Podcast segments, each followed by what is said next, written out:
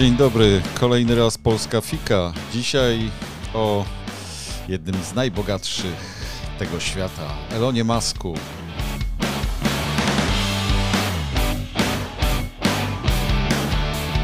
Ale przede wszystkim chciałbym porozmawiać na temat dyskursu insynuacyjnego i fake newsów.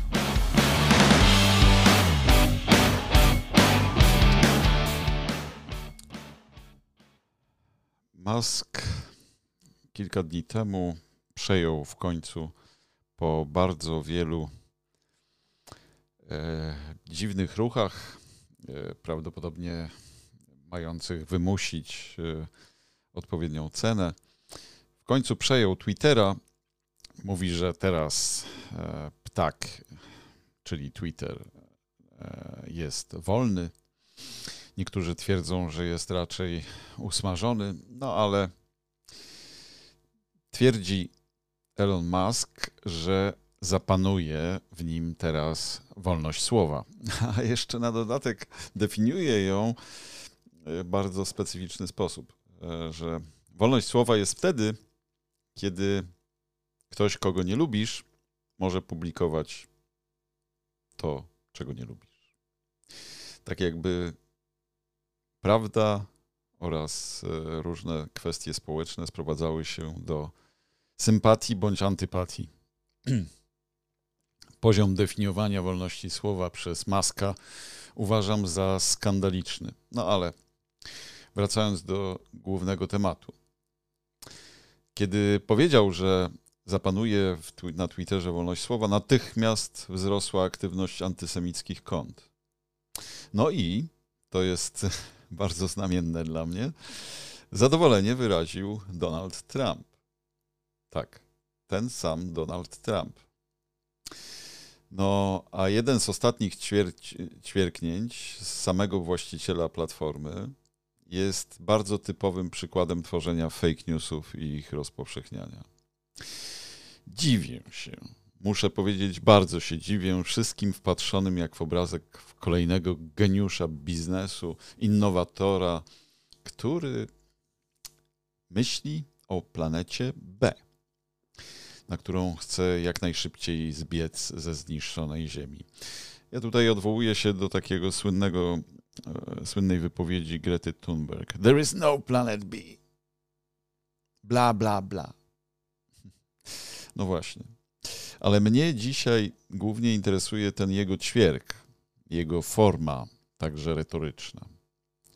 Dotarłem do tego ćwierku, mimo że oczywiście został on e, skasowany, ale ślady istnieją i dowody e, istnienia tego ćwierka także.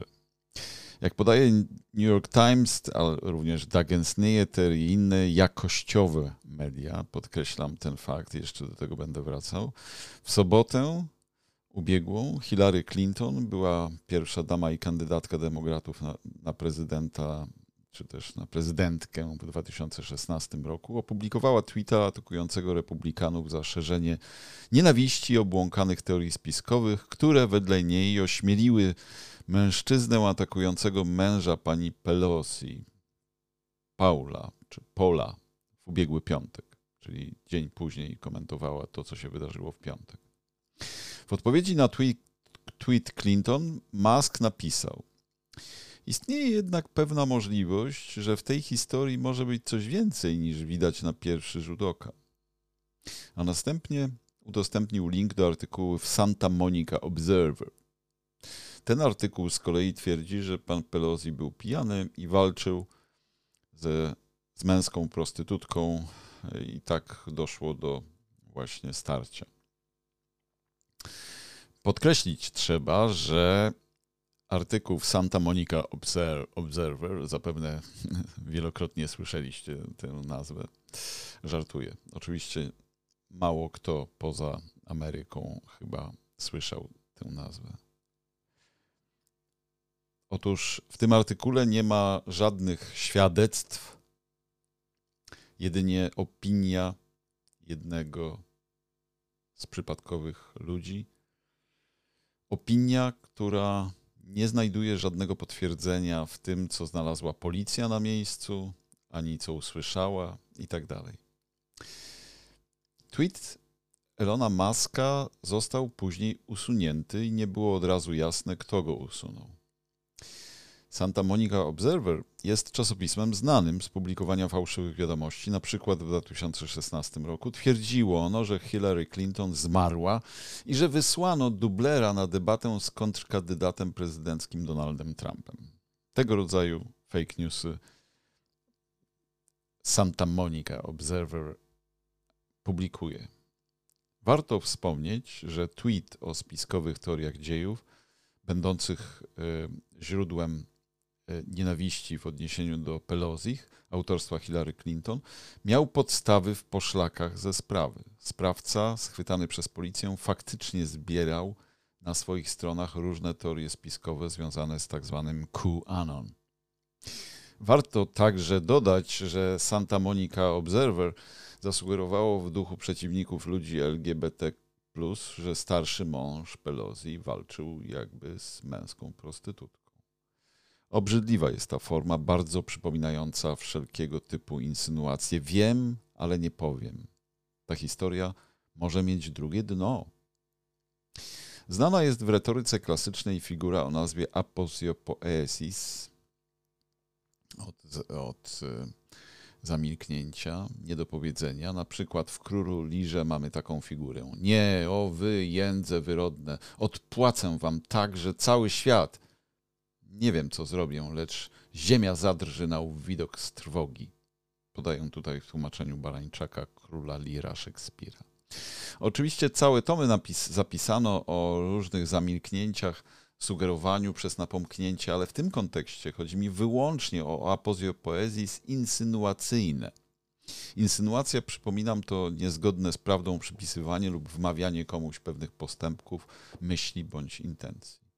Inny przykład można podać z hipotetycznego przebiegu procesu sądowego, w trakcie którego oskarżyciel mówi: Po tym jak podejrzany, cóż, przeczytaliście Państwo wszyscy dokumenty sądowe. Po dokonaniu się haniebnej zbrodni podejrzany uciekł z miejsca zbrodni. W tym fragmencie zamilknięcie odwołuje się do tekstów innych po to, żeby wprost oskarżyć podejrzanego. Chociaż właściwie to nie wprost. Elon Musk wycofał tweet, ale cała sprawa została. Insynuacja pozostaje. Była ona piętrowa, aż pięciokrotnie schowana. Skrytka pierwsza, apozja poezji z ćwierku. Może być coś więcej w tej historii. Dodatkowo wyrażono tę skrytkę bardzo delikatnie i bezosobowo. Istnieje możliwość. Skrytka numer dwa. Intertekstu w hiperlinku. Odniesienie intertekstualne w postaci hiperlinku mówi tyle, że jak chcecie, to zobaczcie sami w tekście, do którego odsyłam. Skrytka numer trzy to są przekreślenia. No dobrze, skasowałem tweet takim, takim sposobem odwoływania, przekreśleniem tekstu, posługiwali się w teorii dekonstrukcjoniści w dobrej intencji, ale tworzyło to rodzaj aury sugestywności. Skrytka numer cztery. Pogłoski. Wiadomość nieoficjalnie głosi, że do końca nie wiadomo, kto skasował tweet. No i skrytka numer pięć. Żartobliwego odwrócenia, które może być nieskrywaną agresją. Następnego dnia pojawił się tweet, w którym Musk pisze: To jest fałsz nie napisałem na Twitterze linku do The New York Times. I to jest komentarz do zdjęcia ze strony New York Times z nagłówkiem Elon Musk w Twitcie udostępnił link do strony znanej z publikowania fałszywych wiadomości. Czyli, że według tego tweetu e, kolejnego już Elona Muska,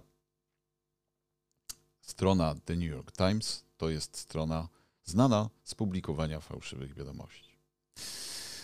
Tak czy owak obrzydliwe. Insynuacyjny tok mówienia przez apozjopoezis jest specjalnością w Polsce Jarosława Kaczyńskiego. Porównanie pochlebne dla samego Kaczyńskiego, jednak fatalnie pokazujące metody najbogatszego mieszkańca naszej planety, twórcy Tesla, SpaceX, PayPala i Twittera. Faktycznie jest drugim najbogatszym człowiekiem na Ziemi. No ale tak czy owak obrzydliwe.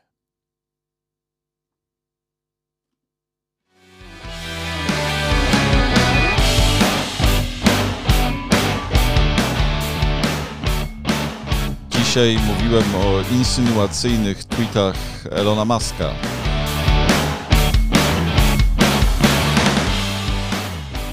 Jak stworzyć fake news, jak fake newsy rozpowszechniać.